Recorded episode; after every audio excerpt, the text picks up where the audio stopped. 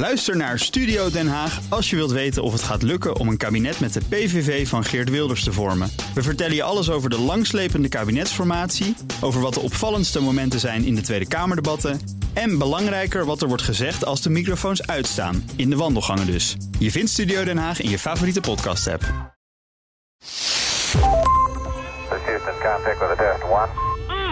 Touchdown confirmed. Hartelijk welkom bij Space Cowboys en het is eh, nummer 111. Wauw. Ik zeg welkom tegen Thijs Roes die het eerste geluid maakt. Ja, hallo, Herbert Blankstein. Na mijzelf. en ik zeg hallo tegen Marieke Baan. Hoi. Dag.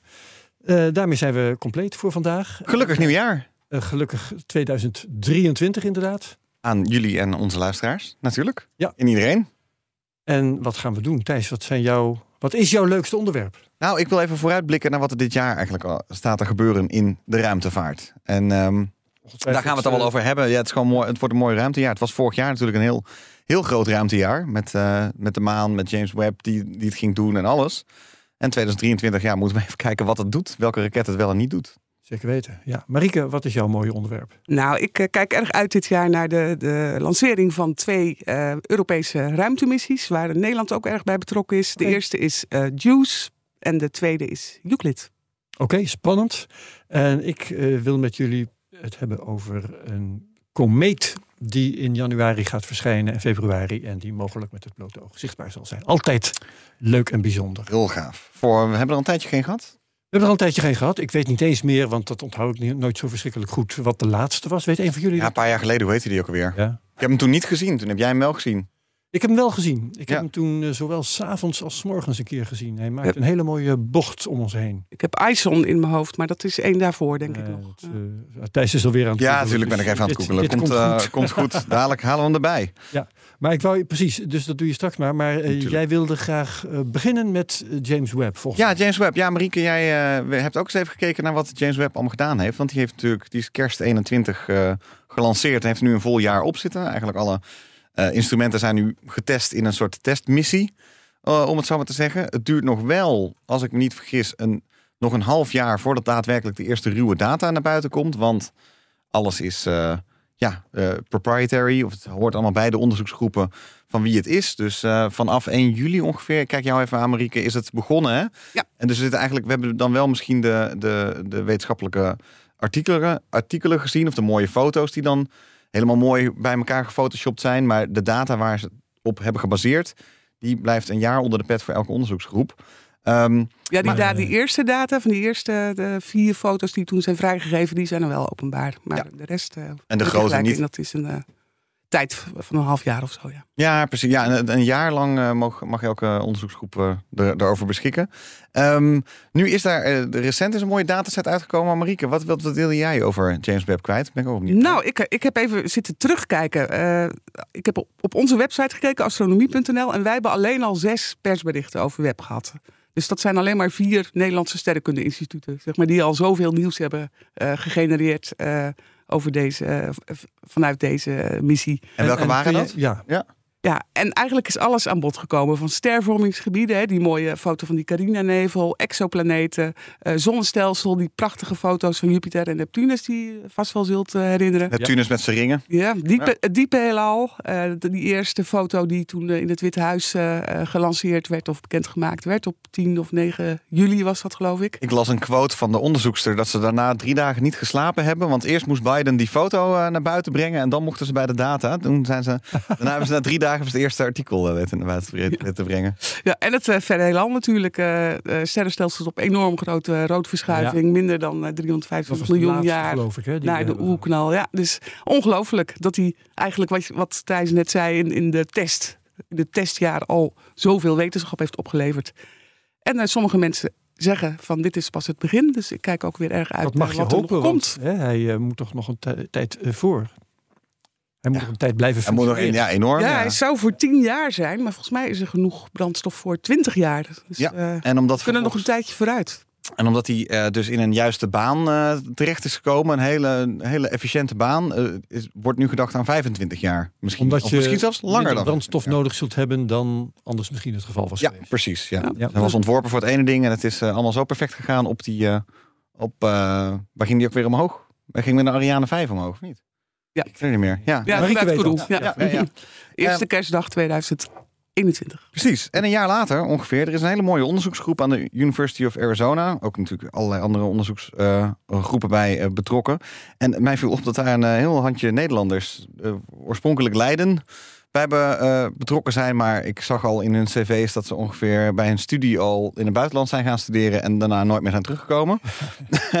ik zag, ehm, even kijken, hoe heette ze? Rogier Windhorst, kennen jullie die? Eigenlijk een Nee. hele bekende naam. Hij heeft een Wikipedia-pagina. Ik zou Misschien hoor ik hem te kennen, maar... nou, ik denk dat die man, als dit, als dit onderzoek wat ik zo meteen ga, ga doorvertellen, eh, over ga praten, als dat doorgaat, wie weet eh, hoe groot deze man eh, wel Ja, wordt. ja, ja, ja. Ehm, en Rolf Jansen zit daar ook bij. En Anton Koekemoer. Dat, ik zou bijna willen zeggen, onthoud die namen. Ze zijn bezig met de Pearls-missie. En ze hebben vlak voor kerst hebben ze de eerste dataset naar buiten gebracht. En hun eerste bevindingen. Ja, dat gaat allemaal vrij diep. Waar ik hier op dit moment geen antwoord op heb. Het eh, artikel staat in de show notes. Eh, wat zij doen, en dat vond ik zo vet eraan, is... Je kent wel de Hubble Deep Field. Hè, je, Hubble werd gericht op een stukje ruimte waar niks te zien was. Oh ja. Zette heel lang de sluiter open. En warempel, je zag was eind- toch wat? eindeloos veel ja, sterrenstelsels ongeveer aan, richting het begin van de tijd. Toen is dat vorig jaar met James Webb weer gedaan. Trouwens, Hubble heeft er een paar gemaakt. En James, James Webb is er ook aan begonnen. En nu is deze onderzoeksgroep eigenlijk die naast elkaar aan het leggen. Die zijn eigenlijk bezig met het in kaart brengen van het dat wat niet in kaart gebracht is. Om op die manier ehm, eh, eigenlijk dat de, de, de ehm, ik, ik zie hier Engelse termen staan. Ik zal het even proberen in het Nederlands. Het eerste moment van de tijd. Het eerste Ja. licht dat verscheen. De alleroudste galaxies. Om te kijken hoe kunnen we nou aan, die- aan de hand van die deep fields nu eigenlijk iets zeggen over dat moment van eerste licht. En daar dus ook betere vragen leren stellen over. Juist die lege plekken zijn natuurlijk het meest kansrijk om dit soort dingen te, te, te zien. Omdat je eh, eh, field of view, eh, je blikveld Mhm. niet wordt eh, overstemd door sterren of nabijgelegen sterrenstelsels. Ja, die dan licht in de weg Ja. zitten. En wat je op die webfoto ook zo mooi zag, dat waren die gelensde sterrenstelsels. Oh ja, Dus die vergro- ja, lens. De achtergrondstelsels die worden afgebogen door voorgrondstelsels. En daar richten zij zich dus ook op. Dus dat is het mooie ervan. Dus door dat lenzen kan je dus, hè, kan je dus, ervoor zorgen dat dat licht nog, dat moeilijker licht nog dichter bij je komt. eh, en nog beter te, uit te lezen is. En daar, daar zitten ze dus naar, eh, naar te kijken.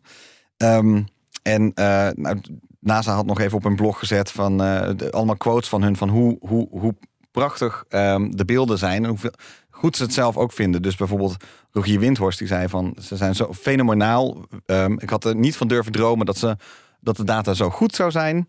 Ehm, en ehm, hij, het is zo gaaf, want ze kunnen dus op dit moment echt een soort van dataonderzoek op, op, op heel veel samples gaan uitlopen oefenen. In plaats van dat het als het ware één plaatje was. Ja. Waar ze het ja, een beetje moesten gokken op eh, basis van eh, kleine puntjes. En dat is zich eh, eh, enorm aan het ontwikkelen. Dus eh, ik zou zeggen, hou ook vooral die in de gaten. En kijk ook naar. Want er is dus. Ze hebben alweer een compositie gemaakt van meerdere deep, deep fields. Dus er is inmiddels alweer een grotere deep field beschikbaar via hun onderzoek. Mooi. Ja, het is een prachtige, prachtige missie. En zei het net al van, van het, het, het, het is eigenlijk het eerste jaar met alleen maar een soort demonstratieonderzoek. De daadwerkelijk scherpe vragen en het diepere onderzoek moet bijna nog komen. Dus, dus het ehm, eh, 2023 zal wel weer een heel mooi jaar worden voor James Webb. Natuurlijk. Denk ik. Lijkt me. Hoop ik. Ja. Als hij blijft doen. Oké. Zal ik vertellen over die komeet? Ja, vertel eens even over die komeet. Nou, eh onthoud de naam. Daar daar wou ik eigenlijk mee beginnen. C slash 2022 E3 E haakje openen ZTF haakje sluiten. Heeft hij nog geen eh, nickname? Nee, heb ik niet kunnen vinden. Nee. En deze naam, ik dacht eerst die haakjes, dat hoort er zeker niet bij. Maar eh, toen las ik verder in het stuk op eh, space.com. En eh, precies die naam, al, al die slashes en haakjes en alles wat ik net zei, dat komt steeds weer terug. Dus dat is de naam van deze komeet. Ehm, Nog één keer dan? C slash 2022 E3 haak openen ZTF haak sluiten. Dat ZTF moet er echt bij. Ja, Oké. dat staat er elke keer bij dat Ja. die eh, naam, dat die C22. komeet genoemd wordt. En is hij al eh, zichtbaar? Met het, eh, Hij is, nou, hij is op dit moment eh, magnitude 10 of iets dergelijks. Eh, hij is eh, medio vorig jaar ontdekt. Daarvoor kenden we hem dus helemaal niet. En ik kan ook vertellen waarom we hem helemaal niet kennen. Hij blijkt namelijk, namelijk een periode te hebben van schrik niet 50.000 jaar. Dus als hij hier ooit eerder bij de aarde in de buurt is geweest en misschien is gezien, dan eh, moet dat geweest zijn door eh, desnoods Neandertalers. Want die waren toen, hadden toen nog 10.000 jaar te, goed om te leven. Die zijn pas 10.000 jaar later uitgestorven. Ehm, het was het stenen tijdperk. Oh, ja. Eerder is die komeet, tenzij onder, onderweg hè, in de tussentijd zijn baan veranderd is, dan zou het kunnen zijn dat hij misschien, eh, bij wijze van spreken, 100 jaar geleden hier is geweest en een heel andere baan. Maar de huidige baan heeft een periode van 50.000 jaar. Er niet veranderd, dan is hij pas over 50.000 jaar weer hier in de buurt. Misschien een grottekening ergens. Het zou zomaar kunnen. Maar bewijs dan maar eens dat het deze komeet is en niet het andere. Ja, dat zou zomaar kunnen, ja. Ik dacht eigenlijk dat, dus, dat kometen niet zo vaak te zien zijn. Eh Neowise was trouwens de laatste. Dat, eh, in 2020 was die ene die jij wel gezien hebt. Die heb ik gezien, niet. die heb ik nog Ja. gefotografeerd zelfs. Ja. Heb jij veel herinneringen in je leven aan het zien van kometen? Nou, mijn eerste he- komeetherinnering, eh, dat is een komeet die had de naam van twee, geloof ik, Japanse ontdekkers. Ehm, Ikea Seki of Ikea Saki, dat, beide varianten ben ik tegengekomen. Toen moet ik een jaar of zes, zeven zijn geweest. En toen ben ik door mijn ouders op een hele vroege ochtend, toen het nog donker was, eh, uit bed eh, geplukt. Mhm. In een deken gewikkeld en meegenomen naar de Hilversumse hei. Waar wij die hele komeet niet hebben gezien, want het was te bewolkt. Ah, dus dat was jouw stenen tijdperk, dat, zeg maar. Dat was mijn eerste komeetervaring. En het heeft best wel lang geduurd voordat... Maar de komeet West heb ik bijvoorbeeld gezien. Ja, oh, toch wel? Ja, volgens mij wel. Dat was eentje met een hele imposante staart.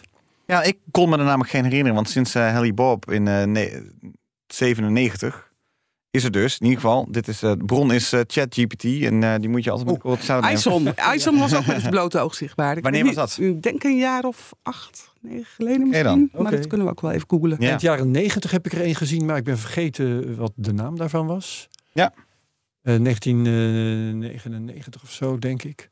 Ja. Maar goed, ik heb dus verschillende kometen intussen echt gezien met eigen ogen. En ja, met eigen ogen. altijd weer heel erg. Ja, blote oog. Ja. Want daar gaat het om even, hè? want met het blote oog, Ja. daarom is het bijzonder. Want er zijn natuurlijk wel kometen te zien geweest, of bijvoorbeeld in de buurt van de zon. Ik zag dat de Comet Ison dus inderdaad ook richting Ja. de zon was. Dus dan is het heel moeilijk om hem... eh, Goed, telescoopfoto's van een komeet, dat is vals spelen. ja, precies. nee. Maar vaak met je camera kun je hem, eh, als je weet waar die staat en je eh, hebt een goede zoomcamera, dan kun je hem vaak ook nog wel pakken. ja, Want Ja, je met een camera is. eh, ja, niet Gevoeliger de, dan je eigen zon, oog. eh, ja, niet richting de zon doen als er ooit eentje richting de zon. nou, want overdag Nee, zien we ze niet. Je ziet, hem, je ziet de komeet sowieso alleen maar als de zon nog onder de horizon Ja, is. ja, ja, ja, precies. Daarna houdt het op. Ja. Ehm, maar goed, dat, over deze komeet. Ehm, hij bevindt zich nu in het binnenste deel van het zonnestelsel, dus binnen de aardbaan. Ehm, heeft zijn dichtste nadering van de zon op 12 januari. Oh, Perihelium. ja, ja. Heeft zijn dichtste nadering van de aarde op 1 en 2 februari. Perigeum. En dan moeten we hem... Dus dat zijn de beste dagen om te gaan kunnen Nee, zien. want de beste dagen om te zien is als we een nieuwe maan hebben. En dat hebben we tussen die twee data in, toevallig, Kijk. op ehm, 21 januari. Oké, Dat Kijk. is eh, de, het beste moment, zeker in Nederland met onze melkige hemelen. Eh, dan wil je dat licht van de maan niet hebben. ik zet het meteen even in mijn agenda. Dat, doe dat. Ja. Maar ook rondom die datum, hè, het steekt niet op één nacht. Eh, het gaat er vooral om dat het onbewolkt is. Ja, En als Ja. het op 21 januari bewolkt is, dan moet je hopen dat een nacht later of eerder dat het onbewolkt is en dat je eh, kans hebt om de goede kant op te kijken.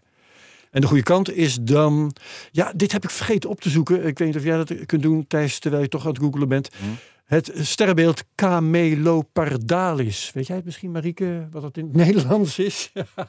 Kameel, ik weet het niet. Dat zou wel, nou ja, het is volgens mij wel aan de noordelijke hemel, dus ehm, ik kon het even niet verzinnen. nee. Nee, de Cameliopedaris heb ik wat dat betreft ook nog niet. eh, Kameleon. Eh, ik dacht niet dat we eh, een sterrenbeeld hadden. Dat, maar goed, de zuidelijke hemel. Oké, ehm, maar 21 januari dus. Ehm, wat kan ik verder nog vertellen? De periode van 50.000 het heet jaar. de giraf. De giraf. Echt waar? Ja. Hé, hey, dan zal het toch aan de... Is dat niet aan de zuidelijke hemel dan? Aan de noordelijke hemel. Toch aan de noordelijke Ja, hemel. een, een Ik wist dat zwak, zwak, te zien. Noordelijke hemel. Ja, en eh, genaamd na een, ah, een als giraf. Peter Plankjes zegt, heeft, dat, eh, heeft hem de naam gegeven. de giraf. Zo, oké. Ja. Ja. Ja, ja, Hij ziet eruit als een giraf. Ik heb er ook nog nooit van gehoord. Oké. Je kan wel op dit moment trouwens prachtig Mars en Jupiter en Orion zien staan. En de maan. Het is echt, eh, het was een feest eh, de afgelopen dagen. Ja. Ehm, ten tijde van ontdekking in maart 2022 had deze eh, komeet een magnitude 17,3. En dat moet ik misschien even toelichten, want dat weet lang niet iedereen. Nee. Eh, sterren eh, worden ingedeeld naar magnitude. Dat is de helderheid. Eh, magnitude 1, dat zijn zo ongeveer de helderste sterren die er zijn.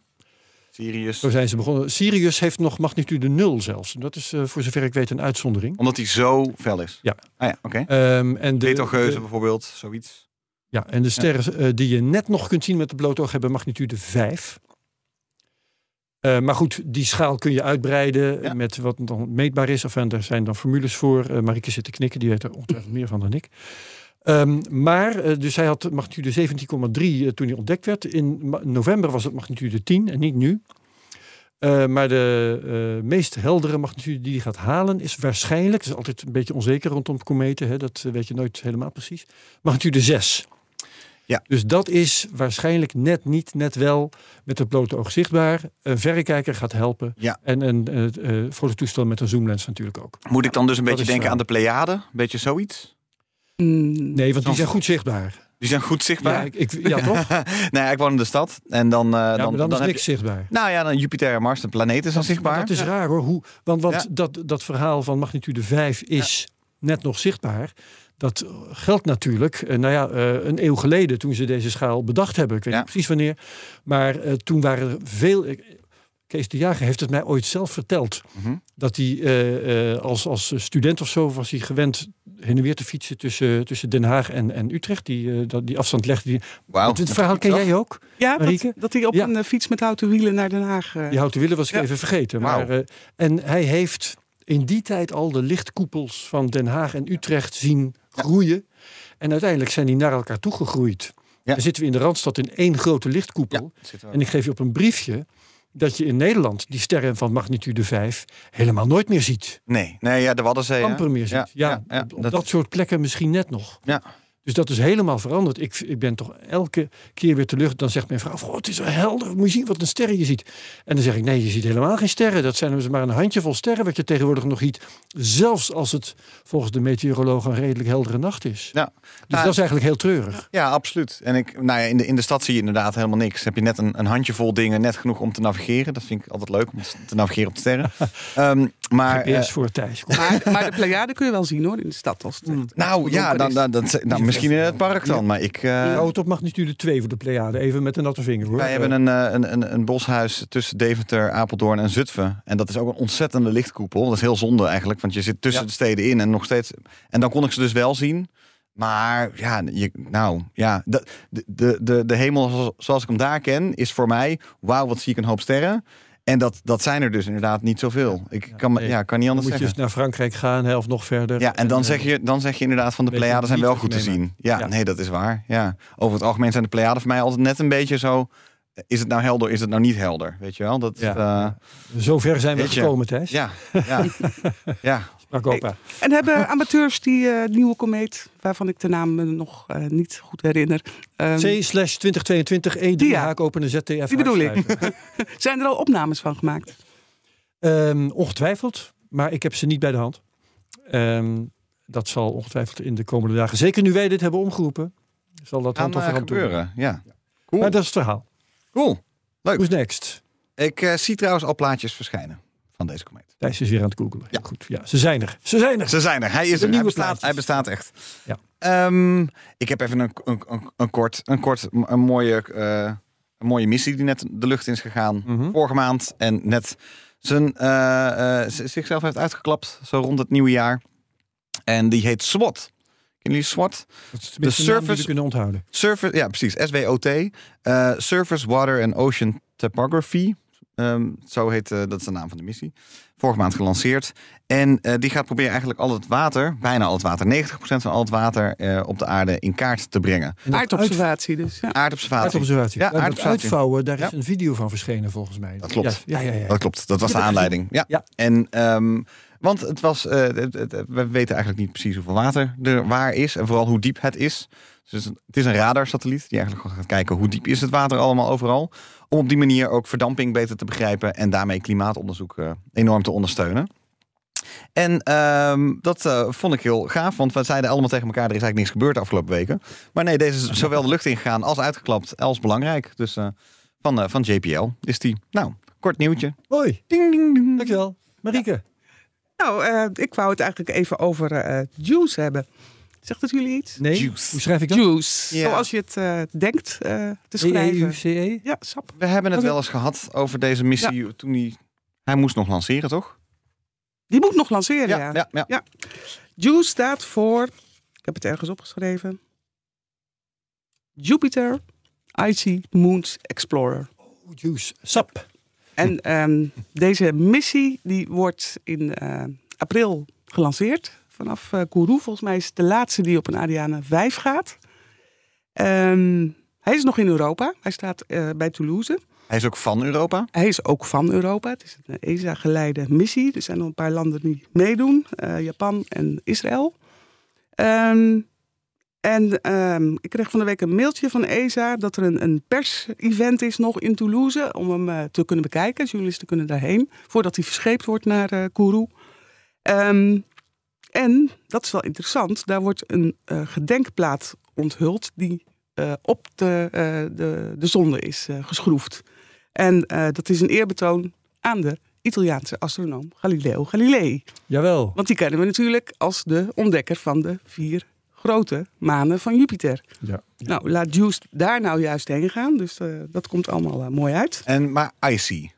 Hij wil naar de Icy. Icy. Hij wil vooral naar. Europa toe. Of... Nee, Oh, interessant. Wat hij gaat doen is... ehm, hij is sowieso, moet ik meteen teleurstellen... hij is niet eh, gebouwd om buitenaards leven te gaan vinden. Wat doet hij er dan?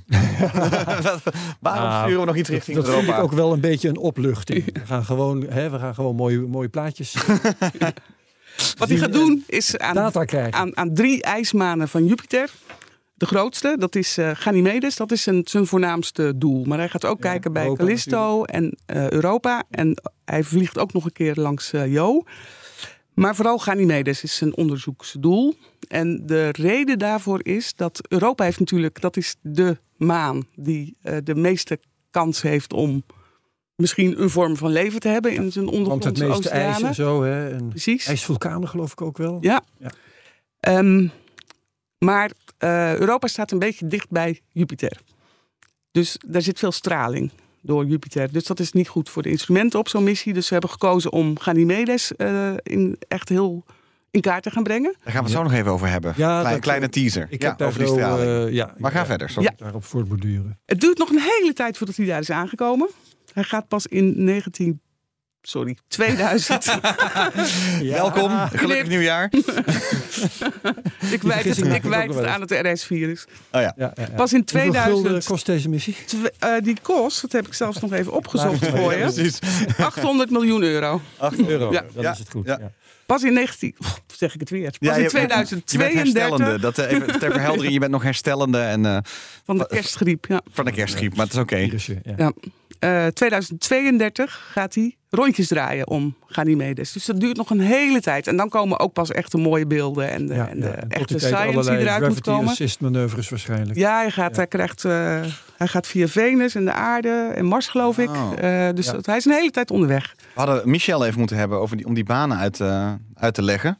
Want de- volgens mij, over het algemeen, ik las over, ehm, want we gaan het zo meteen hebben over Juno. Juno. En die deden volgens mij vijf jaar over Ja. ongeveer om dat te komen. Maar deze Ja. doet er dan dus Ja, maar bijna ja. negen jaar over. Ja. Acht jaar? Ja. Maar hij, hij maakt scheervluchten dus langs eh, Venus zelfs, eh, Mars en de aarde. En uiteindelijk eh, komt hij Ja, waar dat dan... bij die maan aan. Ik heb Michel nodig. Waar dat dan goed Nee, voor door nee, is. omdat- waarom heeft hij drie jaar extra nodig? Ehm, omdat je eh, als je eh, heel veel. Je kunt met een manoeuvre, met een scheervlucht langs een hemellichaam, kun je snelheid winnen.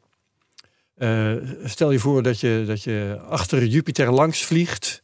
Nou, eh, in het systeem van Jupiter kom je met evenveel snelheid binnen als je er eh, uitvliegt. Ja. Maar omdat Jupiter voor ons hier op aarde een eigen bepaalde snelheid heeft, kun je die optellen bij de snelheid waarmee je ruimtesonde wegvliegt van Jupiter. Mhm. Dus als je de goede kant op achter Jupiter langs vliegt, dan win je snelheid. Ja. Ga je de, in de verkeerde richting achter Jupiter langs vliegen, dan verlies je snel. Ja, Jupiter ga- gaat natuurlijk zelf ook baantjes rond de zon. Ja. Dus het kan zomaar zijn dat tien jaar geleden het natuurlijk anders stond dan nu. Dat Als je naar Jupiter gaat, dan heb je natuurlijk, ga je natuurlijk Jupiter niet gebruiken als Nee. zwaartekrachtslinger, want zo wordt het ook wel genoemd. Ehm, maar bijvoorbeeld de Voyagers hebben op, en de Pioneers hebben Jupiter wel gebruikt als zo'n zwaartekrachtslinger. Ja. Goed. Dus Maar hij gaat natuurlijk ook allemaal flybys maken langs die manen. Dus hij heeft, hij heeft gewoon heel veel energie ook nodig. Ah, hij heeft heel veel nodig om Ja. inderdaad gewoon de juiste lus eh, te Ja. krijgen. Ja, ja, op die Ja. manier. Ja. Ja. Maar goed, als je, ehm, als je de tijd neemt, dan kun je ook heel veel van dit soort manoeuvres bij elkaar optellen. Ja. En eh, afhankelijk van hoe de planeten in het zonnestelsel staan op, ten tijde van de lancering, eh, ga je kijken van oké, welke kan ik op dit moment gebruiken? Dus dan kan het Venus zijn dat je eerst naar binnen gaat om Ja. Venus eh, te gebruiken. Je zou bij wijze van spreken Mercurius nog kunnen gebruiken, maar dat is Mhm. wel veel gevraagd. Levert te weinig op. Ja, Die, die, Ehm, die zit niet in het schema. Nee. zit niet in het schema, dacht ik al. Eh, maar eh, Mars zei je geloof ik wel, hè? Ja, Venus, Mars en Ja, Aarde. dus nou ja, goed. En, en eh, hoe meer tijd je daarvoor neemt, hoe meer van dat soort manoeuvres je bij elkaar kunt optellen. Mhm. En hoe meer eh, snelheid je kunt winnen, hoe minder brandstof je nodig hebt. Precies. Ja, dus Weten jullie hoeveel manen Jupiter heeft? Dat is volgens mij opgelopen tot 80 of daaromtrent. Hoeveel er ontdekt zijn, wordt het tegenwoordig. Een paar honderd. Ja, dat Ja. verbaast me niks. Ja. Ja. En deze vier die we genoemd hebben, dat zijn de, de Galileïsche manen. Dat zijn echt de grootste. Ja. Sterker nog, Ganymedes is zelfs groter dan Mercurius. Ah ja, Ja, klopt. Dat las ik Ja. vandaag nog. Ja. Nou ja, en, en de vraag is natuurlijk ook, wat reken je nog tot een maan? Hè? Je kunt, eh, eh, is Ja. Pluto een planeet, ja of nee? Is het eh, een rotsblok waarvan je net kunt vaststellen dat het nog in een baan om Jupiter is? Noem je dat nog een maan? Ja, nou, Ja. volgens die definitie van de AIU natuurlijk wel. Wat Maar is de definitie? dat een bolvormig object dat zijn baan, gewoon zijn eigen baan Bolvormig schoonveegt. object. Bolvormig Ja. object. Oké, dus Phobos en Deimos stellen dan niet mee? Nee. Ja. Nee, wacht even, dat is een planeet. Sorry. Ja, is een planeet. Ja, wat is een maan? Ja, nee, maar wat, definieert een maan? Ja. Ja, Ja. Is er een definitie van maan of niet? Zoek op. Ik- Ja, dat is vast een satelliet die in, het, in, de, in de zwaartekrachtverstrengeling Van- met, met een Ja. Jawel, maar ja, planeet Maan zit. Maar ja, het, het is sowieso geen zelfaccretie, want dat, dat is voor planeten. Maar wat een maan inderdaad dan nog wel... eh het is alleen maar gewoon een, een, een, locked. zeg een maar. natuurlijke satelliet, zou je het dan kunnen Ja. noemen. Maar meer... Ja, met, met een permanente baan, dat zal ook wel een eis zijn. Maar hoe permanent die baan dan moet zijn? Jij bent alweer aan het googlen, Thijs. Nou, ik vraag het chat GPT even om te kijken of hij daar een, of hij iets let met iets. eh, ehm, de zoekmachine. Maar die, komt, maar maar die is die wordt echt wel echt spannend. Het is ook de eerste Ja, keer dat een, absoluut. een ruimtesonde in een ehm, eh, baan rond een andere maan gaat draaien. Dan onze eigen maan. in plaats van flyby's. Ja. maar dat doet hij dus pas op het einde. Hè? Hij Op gaat het e- einde. Hij gaat eerst al naar Jupiter, 2032, ja. dan pas. Maar hij gaat dus eer- eerst ook nog langs, eh, langs Europa en, ehm Ja, en Hij gaat, hij gaat ook Jupiter zelf nog eh, onderzoeken. Nou, het De- duurt sowieso tot 2032 voor hij Jupiter bereikt. En dus ook voor hij die manen bereikt. Ja, Meen ik te begrijpen. klopt. Ja. Ja, dus we moeten echt heel veel. Is, is het voor die tijd ook al spannend? Gaat hij ook nog- 2031 eh, komt hij aan bij Jupiter en eh, bij Ganymedes in 2034. pas. Zo, Dus ja, het ja. is- het duurt nog elf jaar. En, en gaan we voor die tijd nog interessante dingen zien? Ik bedoel, maakt hij ook nog kiekjes van Venus en Mars? Of ehm, slaat hij Daar heb over? ik niets over gevonden. Heb ik Meestal over wel, hè? Maar Meestal- dat lijkt me wel. Ja, Dat is om even de instrumenten te testen, toch? bijvoorbeeld. Er zijn er van de Voyagers Maar- volgens mij ook nog een het plaatje van de spannende aarde. komt in 2031. Ja, precies. En ik weet ook niet precies of die instrumenten al uitgeklapt worden, zeg maar. Of dat pas gebeurt als Dat die is ook even de vraag. een Ja, want- locatie want aangekomen is. Dat laatste zou best waarschijnlijk kunnen zijn. Even een snelle, eh, dan het laatste, een snelle, snelle zoekactie definieert de maan echt op de breedste manier van, eh, van het woord. Dus inderdaad, de vraag is een beetje van in hoeverre we op een gegeven moment dat, dat kunnen gaan begrenzen. Dus inderdaad, eigenlijk alles Ja. wat, een, eh, wat, een, wat om een planeet heen draait, mag je een maan noemen. Dat heb jij nu net vastgesteld. Ja. Dat zegt in ieder geval de, de IAU. Oké. Ja. Oké. Dus dat, dat maandje wat om die eh planetoïden van vorig jaar draaide, dat noemden we ook een maandje. Dus Ja. dat klopt inderdaad. Oké. Was ik even vergeten. Zal ik Nou, ja, over- nee, dus een celestial body that orbits a planet. Nee, dus als, het om een pla- als we hebben gezegd, iets, iets, iets is een planeet... en daar draait iets omheen, een natuurlijk iets... dan is het een, dan is het een maan. Dus, eh, Dus als je zegt van het en is een asteroïde en daar Ja, draait dat hebben we ook maan genoemd vorig jaar. Eh, Oké, Hier. oké. Oh ja, Ja, hier. Ja, maar wij, hebben geen autoriteit. Wij hebben het verkeerd wij zijn maar space cowboy. Ja, precies. Wij, wij cowboyen maar wat. Nee, maar dat is interessant, want als Pluto geen planeet is, dan zijn Charon en eh, eh, er zijn er nog een paar meer Mhm. geen manen. Dat krijg je dan. Dat krijg je dan. Dat is de Z- consequentie. zullen we even bij eh, Jupiter Dwerg- blijven? Dwergplaneten kunnen toch We ook blijven bij Jupiter. We blijven even bij Ja. Jupiter, want, want het ging over die, die sterke straling eh, eventjes. En Nou. daar is iets aan de hand. Herbert. Precies, want we hebben Juno. eh, die is overigens dus inderdaad in 2016 gelanceerd. En is in 2021 bij eh, Jupiter aangekomen. En ja, doet dingen die, eh, nou, dat lijkt verdacht veel op eh, wat jouw Juice gaat doen. Ehm, eh, heeft eh, flybys gehad van, eh, van Europa en van Ganymedes, waar ik trouw- eerder al, hè, dus vorig jaar al en het jaar daarvoor. Ehm, of in elk geval vorig jaar. Die echt de moeite waard zijn. Ik vond het heel leuk bijvoorbeeld om te lezen dat Ganymedes voor Juno alleen maar in kaart is gebracht door de Voyager, Ja. notabene, en door Galileo in de jaren negentig. Dus zo weinig wordt zo'n maan van Jupiter eigenlijk maar echt onder de loep genomen. Ja. En eh, Juno heeft plaatjes kunnen maken van Ganymedes die echt niet eerder gemaakt waren. Onder andere kraters met doorsneders van eh, 100 kilometer, die eerder gewoon niet gezien waren. Ja. ja. Nou, dat was eigenlijk veel te Ja. weinig hè, in de buurt van Jupiter van Ja. hoge resolutie Ja. voordat Juno daar Ja, kwam. ja, ja, ja. En daar Dus gaat is Juice mee door, hè, met het in kaart brengen van, de, van Ja. het oppervlak en, eh, Ja. en de samenstelling van die, eh, van die Dus- manen. Dus, dus je kunt soms zeggen van ja, maar daar zijn we toch al geweest. Ja, nee, maar ook als je er al geweest bent, dan kun je heel veel nog niet gezien hebben. Omdat de keren dat je er wel was, eh, je net langs de verkeerde kant vloog. Of eh, bepaalde delen niet hebt gezien. Ja. Of het, was, het licht was slecht. Of er was juist te veel licht of wat dan ook. En die ondergrondse oceanen natuurlijk. Dat is heel erg interessant. Eh, dan heb je het over Europa, denk Ja. ik. Ja, Nee, ook al eh, gaan die mee. Oh, Ganymedes heeft dat ook. Ja, ja. Oké, oké, oké. Ja. Ganymedes heeft het ook. Oh, dat wist ik, oh, dat wist ik helemaal niet. Maar wat is er En dus... wat ik ook nog, Ja, eh, ja. waar ik ook nog achter kwam in mijn research, ehm, is dat ehm, eh, die ruimtesonde is niet steriel.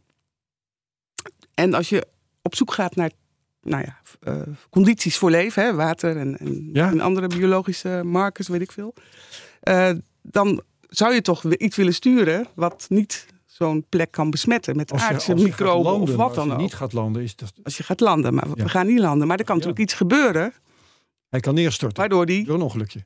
neergestort of, ja. Of gecontroleerd moet worden denkbaar, neergestort. En dat is eh, dus behalve die straling, hè, dat, dat hij niet rond Europa gaat draaien, is dit ook een reden dat hij Ganymedes pakt. Want Ganymedes, de korst is veel dikker als hij daarop eh landt Hmm.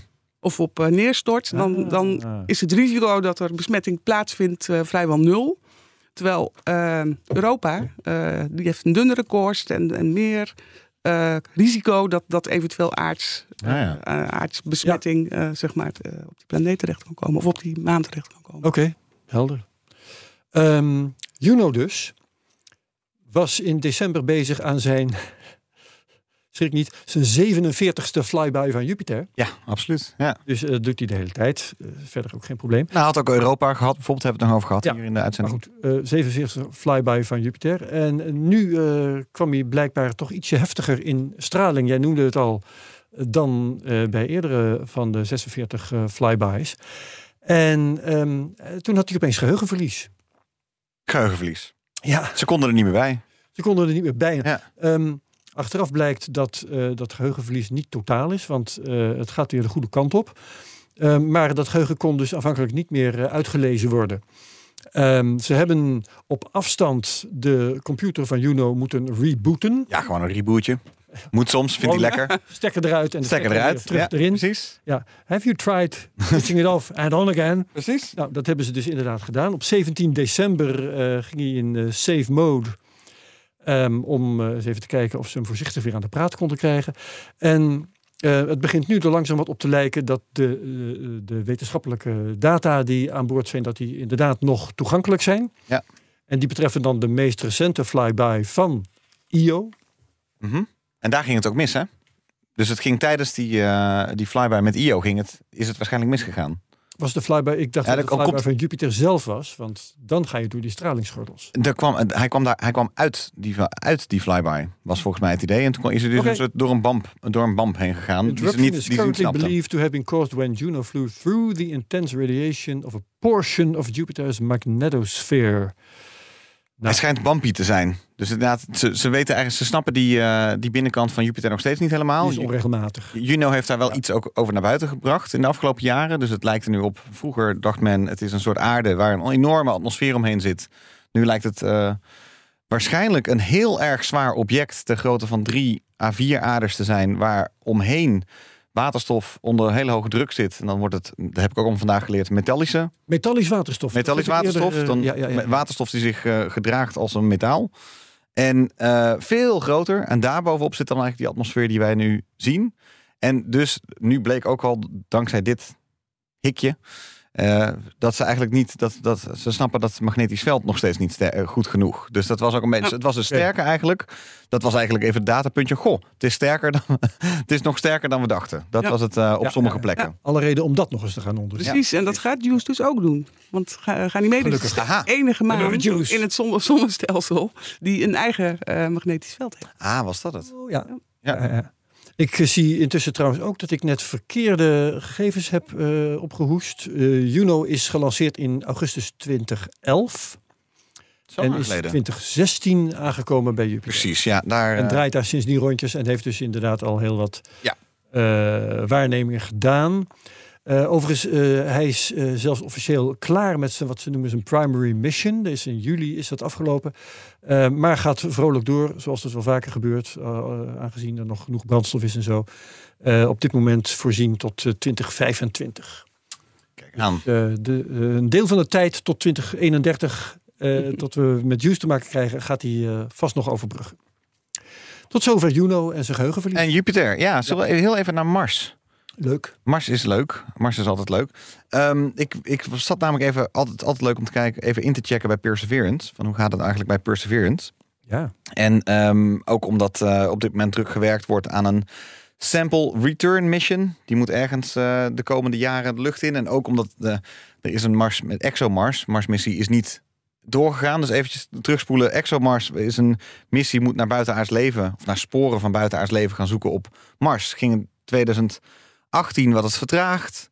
Toen werd het 2020 vertraagd dankzij corona. Toen werd het 2022 Oekraïne. Oekraïne, want het is een samenwerking met eh, Roscosmos. Dus het, eh, de Russen die waren erbij betrokken. Waren, want toen heeft Europa zich teruggetrokken eh, vorig jaar. En nu doet Europa het dus alleen. En waarschijnlijk halen ze dus 2024 ook niet. En gaat hij dus 2028 pas de lucht in. Dus dat duurt nog wel eventjes. Dan heb je nog Insight. Dat is ook even een belangrijk nieuwtje. Dat, eh, dat hebben we ook uitgebreid besproken al hier. Eh, Insight, een, eh, een aardbevingsmissie. Een- geen rover, gewoon een soort, soort pizzadoos. pizzabobbel die op eh, eh, Mars zit. Die houdt ermee op, want zijn zonnepanelen zitten onder het Ja, stof. die heeft een dramatische tweet gestuurd. Hè, van eh, ik eh, neem bij deze afscheid. We hebben vorig jaar af... Wel heel leuk hoor. Dat, Ja, vlak voor de kerst, hè? Even ja. tussendoor. Ik vind dat mooi dat Twitter op deze manier ehm ruimtesondes eigenlijk een eigen stem geeft. Ja, menselijk. Ja. Precies. Ja, er zit Ja. natuurlijk iemand achter, achter een, een toetsenbord, dat snap ik ook wel. Maar dat je op Twitter kunt lezen, eh, mijn batterijen gaan ermee ophouden. Eh, ik, dit is waarschijnlijk mijn laatste foto, bedankt en tot ziens. Dat vind ik mooi. Ja, Met, met die Rosetta-missie werkte dat echt fantastisch. Oh ja, We zaten met precies. z'n allen bijna te huilen op Twitter toen. Ja, je hebt die langzaam zijn oogjes dicht deed. Ja, ja, jeetje. En, ehm, eh, eh, ja, in, en Insight, wat dat betreft, heeft nog best wel wat, eh, wat gave dingen. Dus er was een, eh, er was, de, de sterkste aardbeving die was gemeten was, even uit mijn hoofd hoor, ik zie het nou niet staan, ongeveer iets van 4,7 op de schaal van Richter. Wat vrij zwak is voor aardse begrippen. En daar de grootste die ze kenden. Ja, ja. En daarmee was dan de voorzichtige conclusie dat vulkanisme misschien nog wel eens aanwezig zou kunnen zijn of weer opnieuw zou kunnen gaan ontstaan, zo moet je het zeggen. Dat vulkanisme niet is uitgesloten in de nabije toekomst op eh, Mars. Dus dat, dat eh, was dan een gave. Insight is dus ook weg. En dan denk je, nou, kom maar op met al die nieuwe Marsmissies. Maar vorig jaar, elke twee jaar, hè, is er een goed moment om naar Mars eh, te gaan. Is er dus geen één vertrokken, eind vorig jaar. En nu is het dus wachten tot ehm, 2024 tot de volgende gaat. Ja. Dus vandaar eventjes even deze hele lange aanloop. Even inchecken bij Perseverance, want die staat daar en die doet hartstikke goed.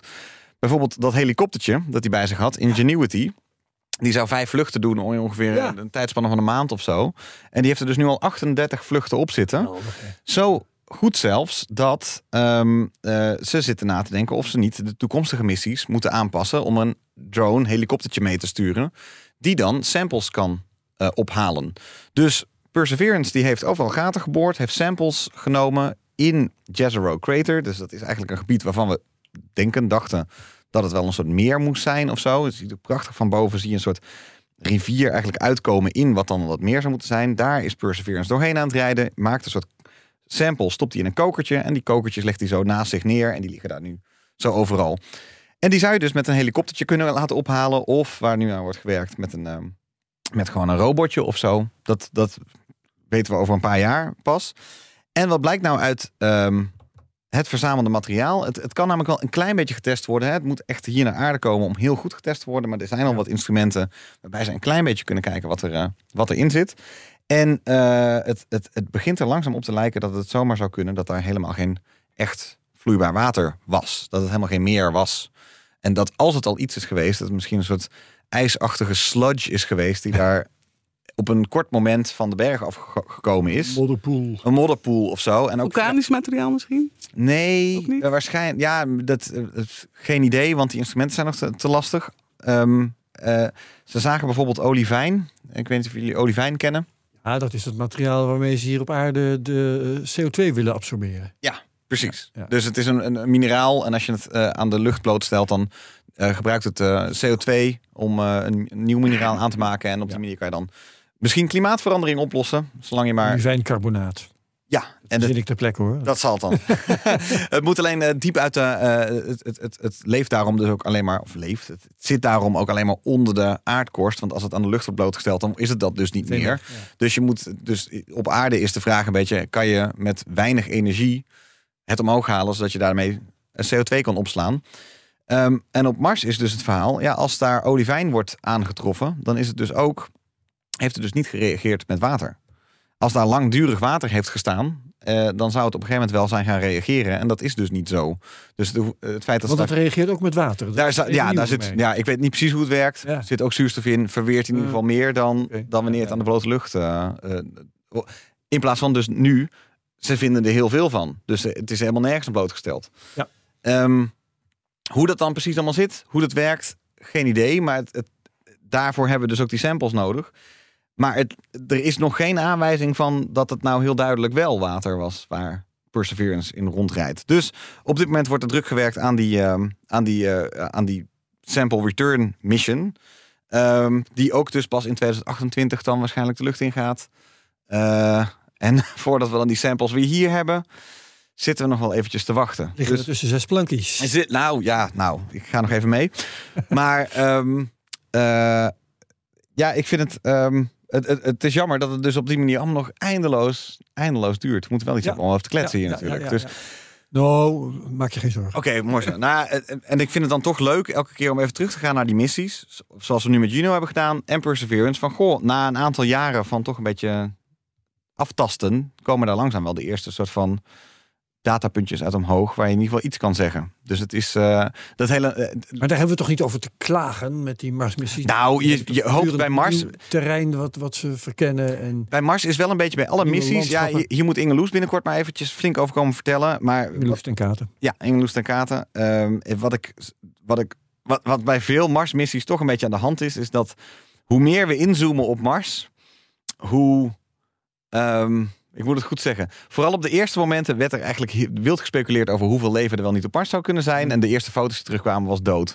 Daarna is er wel weer van ja, er was misschien water. Ja, er was misschien dit. Ja, er was, eh. Maar het grote soort van. Ja, er was water. We hebben, als het dan duidelijk was, ja, het was een meer. Daar kwam het er vanaf. En deze samples, nou, dat eh, gaat wat worden. Zit je toch anders nu? Dan ja, het Ja. lijkt toch het Nou, tegenovergestelde lijkt aan de hand. En we moeten het maar niet al te negatief zijn, maar dan ga Ja. ik het toch zeggen. Straks is het allemaal wishful thinking geweest. Dacht, da- da- het, het blijft elke keer meer dat. Zo van, nou, oké, wishful thinking zorgt voor al die missies. Maar de data die terugkomt is nog elke keer niet echt dat je nou denkt, nou, dat, dat geeft nou maar eens even... Thijs, goed- wetenschap is toch Ja. echt eh, van de lange adem. Baby steps. I know. Kijk, I know. Ja. En bovendien, eh, het gaat er niet om dat wat wij willen, dat dat eh, de werkelijkheid is. Maar dat wij erachter komen wat de werkelijkheid is. Zeker, dat is het. Dankjewel Herbert Ja. voor deze. Dat hoort. Graag gedaan. Dat is ook zo. dus in ieder geval, eh, Perseverance doet het nog steeds. Gaat wel gewoon door. En eh, de, de Ingenuity-missie, eh, de, de helikopter, die zorgt waarschijnlijk voor toekomstig succes. Laat ik even op Ja, positieve. En dat, dat, is, dat is heel erg leuk en bijzonder. Hè? Ja. Want wat je al zegt, dat het ding maar vijf vluchten zou maken. En nu in de dertig eh al. Hij blijft maar doorgaan. Ze zijn, de grap eh, binnen, binnen JPL schijnt te zijn dat ze eigenlijk dus die helikopter eh, Perseverance eh, hadden moeten noemen. Want eh, hij blijft maar doorgaan. En hij, is, hij heeft nog geen last gehad van, van erge stofstormen of wat Dat dan zat ik ook met vragen van als Insight dus inderdaad ermee ophoudt daarom. En, eh, Ja, zo'n Nee. helikopter die blaast zichzelf elke vlucht weer schoon. Precies. weet je wel hè? Ja. Ja. ja. En eh, er zijn leuke gifjes van. Dus echt filmpjes dat je hem ziet rond. En geen eh, stofje blijft liggen op die centrifuge die die propeller is. Ze zouden hem even langs Insight moeten sturen om hem gewoon eraf te blazen. Dat, Dat, dat, zouden ze moeten doen. Heel goed. Dat was het wat jou... eh Voor nu wel. Dan we Ja. kijken straks nog eventjes naar een maanmissie Ja. die eraan komt. ja, Eh, Marieke, heb jij nog wat? Nou ja, we hebben nog een, een tweede lancering van een eh, ESA-missie dit jaar. En dat is Euclid. Ehm medium class missie, geselecteerd in 2012. En, Euclid als in ehm, Euclides. Euclides, de Ja. Griekse Wiskundige. wiskundige uit Alexandrië. Eh, en daar is hij inderdaad naar vernoemd. Ehm, Zou hij niet ook met de Russen mee zijn? ja, die zou met de Russen meegaan vorig jaar met de Soyuz. Maar dat eh, ging dus vanwege Oekraïne eh, ook niet door. Eh, inmiddels eh, wordt eh, er druk gespeculeerd dat hij met een Falcon omhoog gaat. Mhm. ESA heeft inmiddels bevestigd dat hij in het derde kwartaal gaat. Vanaf, dat zal wel Kennedy Space zijn dan, hè? Ja, Als het Falcon 9 van SpaceX Ja. is, dan Ja. kan, nou, is een kans. Maar ja. Vandenberg, dat, dat weet ik dus niet. Ehm, maar in de wandelgangen en op eh, Amerikaanse eh, websites eh, staat gewoon te lezen dat dat inderdaad zo is. Mhm. Ik denk dat er nog een handtekening of zo gezet moet worden en dat dat binnenkort bekendgemaakt wordt. Ook het lanceerwindow van een maand, dat wordt geloof ik begin februari eh, gecommuniceerd. Dus eh, daar zijn ze nu ook aan het over overleggen. En ik heb ook al de datum gehoord van 1 juli. Maar nogmaals, onbevestigd. Ja. Ehm, wat gaat hij doen, Euclid? Nou, het wordt niet zo spectaculair als Web, eh, visueel. Ook niet zo spectaculair als Juice en wat Juno doet. Ja. Ehm, maar hij gaat wel hele grote vragen, hopelijk, beantwoorden binnen de kosmologie. Het is een ehm, ehm, optische nabij-infraroodtelescoop. Hij gaat net zoals eh, Gaia en Webb naar eh, Lagrange Point 2. Hm, ja. Dus dat is zo'n plek, anderhalf miljoen kilometer van de aarde, dat hij met de aarde mee, zeg maar, in een baan om de eh, zon gaat draaien. wordt nog terug Voorbij daar. de maan. eh, Ja. Ja, achter, achter de maan. Ja. En wat hij gaat doen is een 3D-kaart maken van het donkere heelal. We gaan niet heel erg diep in op dat donkere heelal, want dat is... Daar hebben we nog een half uur extra voor nodig. Ik denk dat we dat beter niet kunnen doen. Maar hij gaat dus op jacht naar eh, donkere materie en donkere energie. Precies die dingen Ja. waarvan eigenlijk niemand weet eh, wat het is. Maar wel heel belangrijk zijn in eh, Ja, hoe, ja, hoe de kosmos in elkaar zit. En hoe het heelal versneld uitdijt. En waar bestaat die donkere materie uit? Want 5% van alle materie in het heelal kennen wij. Dat is tastbare materie zoals we die kennen. De rest, rest. is donkere energie, donkere Ja, materie. en het bestaan daarvan wordt afgeleid uit eh, de bewegingen. Hè, Beweging van de sterrenstelsels. Ja. Eh, de- En die de voldoen, nemen we aan, aan de wet van de zwaartekracht. Dus moet er zoveel massa ergens Ja. zijn die zorgt voor die bewegingen. Ja. Maar we zien die massa niet. Die, is niet te zien. En we noemen het donkere materie. Ja. En het bestaat in ieder geval niet uit elektronen, protonen en eh, neutronen. maar uit iets eh, exotisch als Ja. WIMPs of wat dan ook. En dat Dus is heel eh, raadselachtig, omdat dat is allemaal alles heel wat wij zien wel degelijk uit pro- protonen enzovoort. Maar Ja. ik wil nog even daarbij aan toevoegen dat het misschien ook gewoon helemaal niet bestaat. Hè? Dus er is een crisis in kosmologie. Die is, ik weet niet of jullie de crisis in cosmology Ja, ja, eh, hebben gehoord. Hè? Dus veel, ik ben ook weer even leek, alleen maar geïnteresseerde leek. Wat ik ervan begrepen heb, eh, eh, Edwin Hubble heeft ooit de Hubble-constante eh, gedefinieerd. Mhm. Op basis daarvan is er veel kosmologie gebouwd. En heel veel observaties. ook Maar nu om heb je het over de donkere energie, hè? Ja, Ja, even Ja. de donkere Ja. energie. Ja, precies. Hubble-constante, hoe verder weg een Ja. sterrenstelsel is, hoe harder het van ons vandaan beweegt. Precies. En nu is het eigenlijk de, de, de, de waardes van eh, die constant, wat die constante nou precies is, daar is men het nog steeds niet helemaal over eens. En als ik het altijd goed begrijp, is donkere materie en energie vooral hangen daar helemaal aan vast. Dus er is ook nog steeds de optie Ja. dat het allemaal onzin is en eigenlijk allemaal nog Ja. steeds een misrekening is. Maar- die wilde ik even, die wilde ik alleen maar Ja, ja, even. ja. eh, Het mooie is, er is nog Ja. niet een beter model. Nee, nee, nee, nee. nee. Dus we, nee, we wat- moeten het hier voorlopig nog Precies, even dus het, doen. het- wat, maar dat is met donkere energie en donkere materie elke keer van ja, wij willen het als mensen elke keer graag in een hokje stoppen. Dus noemen we donkere materie en donkere energie. Maar het is altijd even heel goed om erbij te vertellen dat het dus echt, het is meer onwetendheid dat we proberen te definiëren Ja. dan dat we daadwerkelijk inderdaad, dat je zegt van het bestaat niet uit protonen, neutronen. Nee, maar misschien bestaat het dus ook helemaal überhaupt niet. Dat Nee, wilde ik alleen maar even Want als ik zeg, toevoegen. eh, we, we leiden uit de wet van de zwaartekracht af dat die donkere materie er moet zijn. Dan kun je natuurlijk ook zeggen, ja, misschien eh, werkt die wet van de zwaartekracht eh, daar of toen of op die schaal wel anders dan wij denken. prachtige theorie die ik daar vorige, vorige maand nog eh, over hoorde. Hè. De, o- o- een van de oplossingen voor de crisis in kosmologie. Dat eh, eh, gewoon alles wat wij noemen, wat wij kwantummechanica noemen. eh, dat, dat het hetzelfde is als zwaartekracht. En dat zwaartekracht het resultaat zou kunnen zijn van kwantummechanica. Kwantummechanica snappen we niet. Maar en eh, eh, eh, zwaartekracht zou slechts een afgeleide zijn van, Iets wat wij niet snappen. van iets dat wij niet snappen. Het resultaat zijn van. Ook een prachtige. Ja. eh, nou, Euclid gaat, gaat echt antwoorden geven op deze, op deze vragen. Awesome. En, en in miljarden sterrenstelsels. In welk jaar gaat, komen die antwoorden? gaat Euclid waarnemen eh, op maximaal 10 miljard eh, lichtjaar afstand. Wauw. Komt neer op een derde van de hemel. En het is een mega operatie. Ik geloof dat er in het consortium 1500 eh, mensen zitten. Waarvan van wie meer dan eh, 900 onderzoekers. En dat zijn niet alleen astronomen, maar ook kosmologen, theoretische fysici, deeltjesfysici. Ehm, meer dan 200 labs en instituten eh, zijn er ook bij betrokken. Nederland speelt ook weer een eh, grote rol. Niet alleen natuurlijk vanwege eh, ESA, omdat het een Europese missie is. Maar eh, ook heel veel astronomen in Leiden en Groningen zijn hierbij betrokken. En in Groningen is er ook, wordt ook gewerkt aan een heel groot datacentrum binnen de Target-samenwerking. Wat goed. Want al die data moet natuurlijk verwerkt worden. Ja. Dus er is, er is een grote Nederlandse daar- ook hieraan. Ze hebben natuurlijk LoFar ook al. Hè? En eh, bij LoFar is volgens mij ook al de, eh, een van de, de, de grote innovaties de verwerking van de data. Ja, Eh, zeker. Maar daar, lo, LOFAR is een, een, software-telescoop, hè? Euclid is een gewone telescoop. ja, nee, precies, precies. Maar dus ik wil even zeggen van Groningen begint zich op die manier dan is echt prachtig te Zeker. ontwikkelen als een, als een data-verzamelplek. Ja. Klopt. Wat gaaf. Ik- waar ik heel benieuwd naar ben, is ehm, als hij dus naar Euclid, dit jaar omhoog dus, hè, dat is het idee. Ehm, eh, als hij naar donkere materie gaat kijken, donkere energie, waar gaat hij dan naar kijken? Sterrenstelsels. En wat dan? Sterrenstelsels. Afstanden. Ja. Ja, de, afstand, de Snelheden afstanden daarna. vergeten, Ja. afstand en snelheid. Ja, oké. Dan heb je Ja. bewegingen en eh, die kun je dan vervolgens Afstanden en snelheden. Ja, oké, snap ik. eh, Ja. in formules gaan stoppen om te kijken wat er aan donkere materie zou kunnen zijn. Ja. Hoe snel Of- alles beweegt eigenlijk misschien zo. Ja. Ja. Roodverschuiving. Zeg Ja. maar hoe de hele kosmische structuur opgebouwd is. En jij had als eh, meest recente, eh, wanneer we weten dat hij omhoog gaat, jij, jij dacht juli. Ik zie hier namelijk ook ergens nog december staan. Een, afte, een afteller. Q3.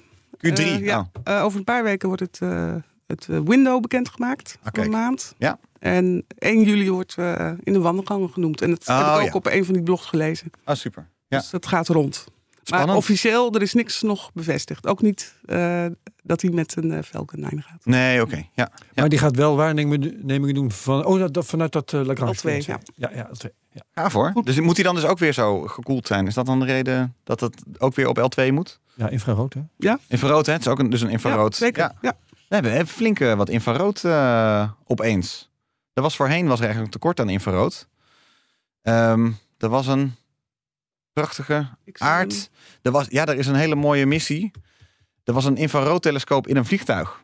Ik Zo- weet daar- Sophia. Ja, Sophia. ja, Ja, maar die vliegt niet meer. En die is dus gestopt. Dat is ook recent Ja. uitgekomen, hè, want eh, de James Webb telescoop kwam uit. Nou, dan heb je dat dus niet meer nodig. Maar er is dus een infrarood telescoop die dus in een vliegtuig werd geladen. En dan vanuit het vliegtuig eh eh, infrarood eh, observaties deed. En daar zijn ze nu mee gestopt, want James Webb hangt in de lucht. Ook dat nieuwtje uit 2022 nog even meegenomen in Space Oké. En mocht je nu geïnteresseerd eh, zijn eh, geraakt in, in donkere materie, dan kan ik je een boek aanbevelen van Govert Gilling, De olifant in het universum. Zeer leesbaar en dat is echt het complete verhaal van de eerste ideeën van Jan Oort, zeg maar, tot, eh, Prima. Bij deze. tot nu. Ehm, even verder, want eh, ik heb nog wat en jij hebt nog wat, Thijs. ik heb iets kleins. Ja. Eh, ik heb ook iets eh, redelijk kleins. Wat ik interessant vind om te noemen, dat is dat in twee publicaties, die worden gequote op spacenews.com, ehm, wordt gewaarschuwd voor de milieueffecten van neerkomende satellieten. En we hebben het hier vaak over het aantal satellieten dat gigantisch uit de klauwen loopt. Wat wordt hier op dit moment zijn er ruim 5000 ehm, actieve satellieten. Dat aantal dat kan in de komende jaren toenemen tot eh, ver boven de 50.000. Absoluut, ja, dankzij alle Ja, internet. satellieten hebben een beperkte Plannen. levensduur en ze gaan niet allemaal naar een hoge parkeerbaan. Eh, de standaardmethode is toch, eh, ook als er niks misgaat, dat ze aan het eind van hun leven worden afgedankt en terugvallen naar de aarde. En opbranden. En opbranden. En dat wordt meestal gepresenteerd, al voorgesteld als, nou ja, als ze opbranden, dan eh, is het allemaal toch nog goed afgelopen. Hè? Dan vallen ze in elk geval op niemand zijn hoofd. Ehm, maar zo eh, simpel is het natuurlijk ook weer niet. Want een satelliet zit vol met stofjes. Daar zit aluminium bij, eh, daar zit eh, verf bij, daar zitten kunstharsen bij. eh er zitten allerlei metalen bij natuurlijk. En ehm, van eh, weinig van die stoffen is bekend wat ze precies doen. Er is één ding wel bekend. Als een satelliet terugvalt, dan eh, gaat die gloeien. En dan krijg je een plasmawolk daaromheen. En daarin ontstaan eh, NOx-gassen, dus stikstofoxiden. Die hebben niet het effect wat stikstofoxiden in de weilanden in Nederland hebben. Maar ze hebben een- wel een ander effect. Ze zijn niet zo verschrikkelijk goed voor de ozonlaag. Oké. Ehm, deze twee studies, één in het eh, tijdschrift Earth's Future en het andere, even kijken of ik dat zo snel, daar kom ik straks wel tegen. Ehm, maar twee, in twee wetenschappelijke tijdschriften in ieder geval, die waarschuwen daarvoor. Eh, Nature Geoscience is het andere. Eh, hier moeten we toch eens even eventjes beter naar kijken. We, we moeten in kaart brengen, en dat moeten de naties doen die satellieten lanceren wat er precies aan stoffen worden eh, losgelaten. Ja, Bij lanceringen zelf, maar ook bij het weer opbranden van satellieten. En of dat dan een punt van zorg moet zijn, gezien de hoeveelheden. En dat laatste, dan, dan mag jij. Ja. Ehm, dat is iets waar ik nog wel een vraagteken bij zet. Want we hebben dus op dit moment 5000 satellieten. Straks hebben we er 50.000. Als je nou een satelliet ongeveer vergelijkt met een auto. Weet je, we hebben op het aardoppervlak hebben we niet 5000 of 50.000 auto's. Maar we hebben miljoenen auto's. En die geven hun milieuproblemen. Maar ehm, ik ben er nog niet meteen van overtuigd dat 5000 of 50.000 satellieten. dat dat een knellend milieuprobleem veroorzaakt. Maar je mag het ook niet uitsluiten. Dus Zeg dat je daar nu. wordt gekeken vind ik goed. Ja, precies. Dat is het toch. Dat, het, is een beetje, het is een scherpe, het goede vraag om te stellen. Ja. Hopelijk is het antwoord eh, valt wel mee. Maar het- als je inderdaad begint aan het opbouwen van tienduizenden nieuwe. En je weet inderdaad niet wat erin zit. En ik, ik weet niet, er zullen Ja. vast iets van standaarden zijn. Dat is een goede vraag. ja, En- is het een en, goede eh, vraag. Met die ozonlaag. even Ja. eh, hier eh, in de groep te gooien. Die stikstofoxide. Het interessante daarvan is dat ze een rol hebben als katalysator bij het afbreken van de ozonlaag. Hmm. betekent dus dat één molecuul stikstof, stikstofoxide een hele hoop ozonmoleculen kan helpen afbreken. Het is een chemische reactie waar NOx ingaat en ook weer uitkomt om de volgende reactie eh, op gang te helpen. Dus dat is wel een beetje gevaarlijk. Ja. Die, eh, Zo'n katalysator kan heel veel schade doen voordat hij eindelijk Hm. eh, nou ja, door een ge- gelukkig foton uit elkaar wordt geslagen of wegspoelt naar een ander deel van de atmosfeer of wat dan ook. Er zijn echt strepen eh, trekken van, van een, er een streep van een effect trekken door waar die eh, Ja. wordt neergelaten. Ja, nou. Dus dat zijn interessante vragen die Interessante vraag. Ja, gesteld. het, klinkt een, En- het klinkt een beetje. eh, toen ik het eerste keer hoorde, dacht ik. mm, wel heel. eh, eh, ja, ja, ja, gewoon de spijkers op laag water zoeken, om Ja. het zo maar te zeggen. Maar, maar als er zoveel omhoog gaan en je weet niet wat er opeens in zit. Als inderdaad opeens blijkt dat 50.000 nieuwe OneWeb-satellieten een of Weet andere je, ja. CFK-achtige gassen, ik noem maar iets. 5000, hebben, over dan, 10 jaar zijn het 50.000, over Ja. 20 jaar misschien Ja. 500.000. En ze komen allemaal vroeg of laat toch weer naar beneden. eh, ooit wel, hè? Ja. Maar la- la- laten metingen aan de ozonlaag ook al eh, veranderingen zien. Nee, de, met de ozonlaag gaat het betrekkelijk goed op dit moment. Hè. De, er is een, eh, een ehm, conferentie geweest, eh, een, een of ander verdrag dat alle naties van de wereld zo'n beetje hebben ondertekend. En dat op een 90. gegeven moment, ja, precies. Ja. Ik ben even kwijt eh, welk dat ook weer geweest is. Maar eh, wa- waarna het gat in de ozonlaag eigenlijk onder controle is gekomen. Maar die controle willen we natuurlijk niet verliezen. Dus Uiteraard. daar redelijke vraag om te stellen, goed onderzoek om te doen. Ja. En je had nog wat, Thijs. Ja, nou, ik noem het een kleintje. Is helemaal geen kleintje. Het is een maanmissie. Ehm, er is een Japanner eh, bedrijf- van eh, nou, een heel Japans bedrijf, iSpace. Ehm, en die gaan naar de maan. Die eigenlijk, er zijn veel maanmissies. Hè, die eraan komen vorig jaar met Ar- Artemis 1 eigenlijk flink afgetrapt. En dan komen alle Artemis-missies komen er de komende jaren eraan. Maar ook daaromheen zijn er eh, meerdere missies. ehm, ook van China trouwens, die eh, naar de maan wil. Eh, om, om te kijken wat voor infrastructuur er allemaal moet komen. Dus Ja. de visie die daar wordt eh, gedeeld is dat er een stad moet komen.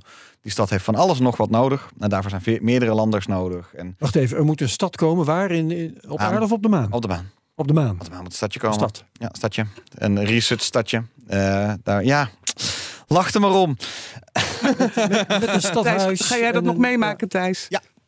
Ik denk het eigenlijk wel. Ik, ik ga het geen stadje noemen, maar laat het gewoon even een soort outpost zijn. Hè? Een nederzetting. Een Laat het, ja, laat het, laat het, het is toch een beetje gek dat eh, na Apollo-missies elke keer gewoon... Het is achtergelaten, nooit meer terug geweest.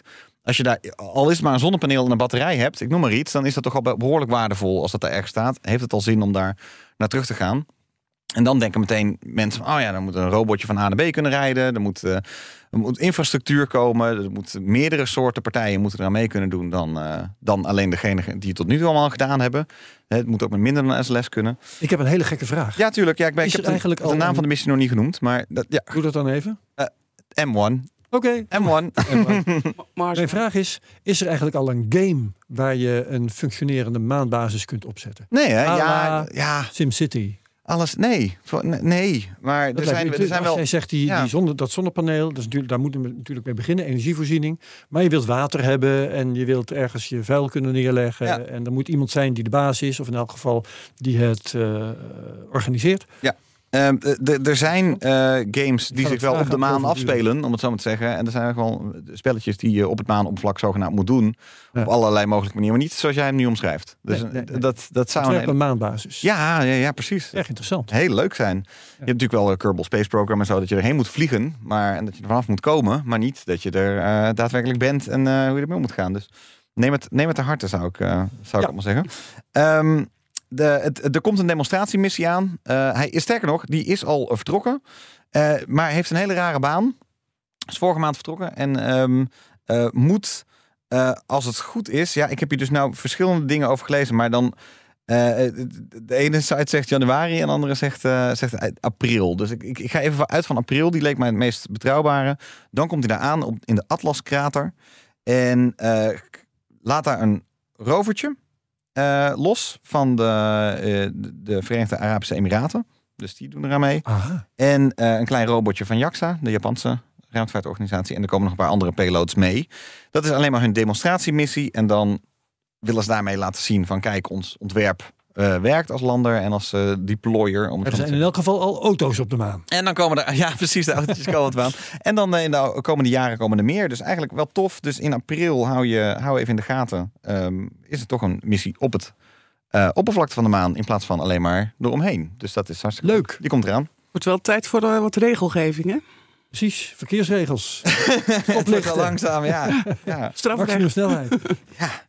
ja. Parkeer eh, verboden. Nou ja. No parking. Gra- ze werken samen met NASA om, om bijvoorbeeld samples eh, beschikbaar te maken. is wel, wel, wel geestig. Er ontstaat daar langzaam dus eigenlijk een soort logistiek. Maar wie de voorrang heeft, eh, geen idee. nee, is geen idee. Rechts natuurlijk. Maar om in de metafoor te blijven, het stoplicht staat op groen voor maanmissies. Fijn. Mooi. Zijn we er doorheen?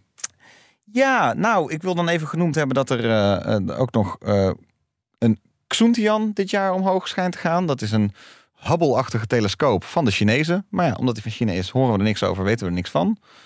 XRISM, XRISM ehm, gaat eh, eh, X-ray spect- spectroscopie. In het Nederlands kijkt het er wel uit. eh, doen. En ehm, Rocket Lab wil eigenlijk dit jaar met hun, met hun raket naar Venus. Hun Electron-raket moet naar Venus toe. Dus dat Heb komt ook nog. niet gehoord. Nee, dus dat moet ook, eh, moet ook allemaal nog gaan gebeuren.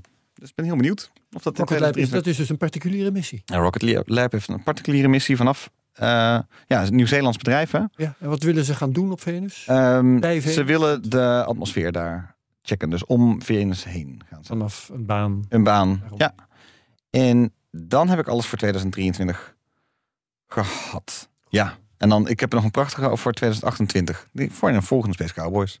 Oké. Marieke had nog wat. Ja, ik heb een heel opbeurend eh, bericht. Eh, even naar aanleiding van eh vorige keer. Toen, toen, toen ging het over eh, die hele donkere dagen voor kerst. En hoe dat nou zit met die tijdsvereffeningen en de Ja. stand van de aardgas. In Ja. de show notes linkjes naar Wikipedia waar dat prima wordt uitgelegd. Maar ik wilde alleen maar even zeggen, het goede nieuws is dat er altijd licht is aan het eind van de tunnel. En dat we vandaag, na vandaag, Vandaag is 4 januari. ja, Ga verder. eh, de, de, hoe heet het? Het wordt in de middag al een aantal weken later donker.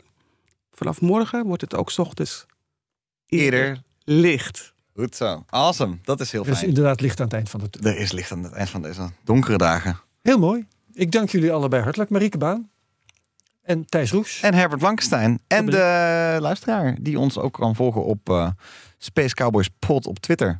Precies. En er is tegenwoordig ook een Mastodon. Er is ook een Mastodon. Ja. Ook gewoon Space Cowboys Pod. En als het goed is, verschijnt op allebei ongeveer hetzelfde. dus wie weg wil bij Twitter, die kan terecht op Mastodon. En wie niet weg wil op Twitter, kan daar ook gewoon blijven. Allemaal bedankt. En tot de volgende dank. Space Tot de volgende Cowboys keer. Tot de volgende keer. twee weken. Dag Doei. allemaal.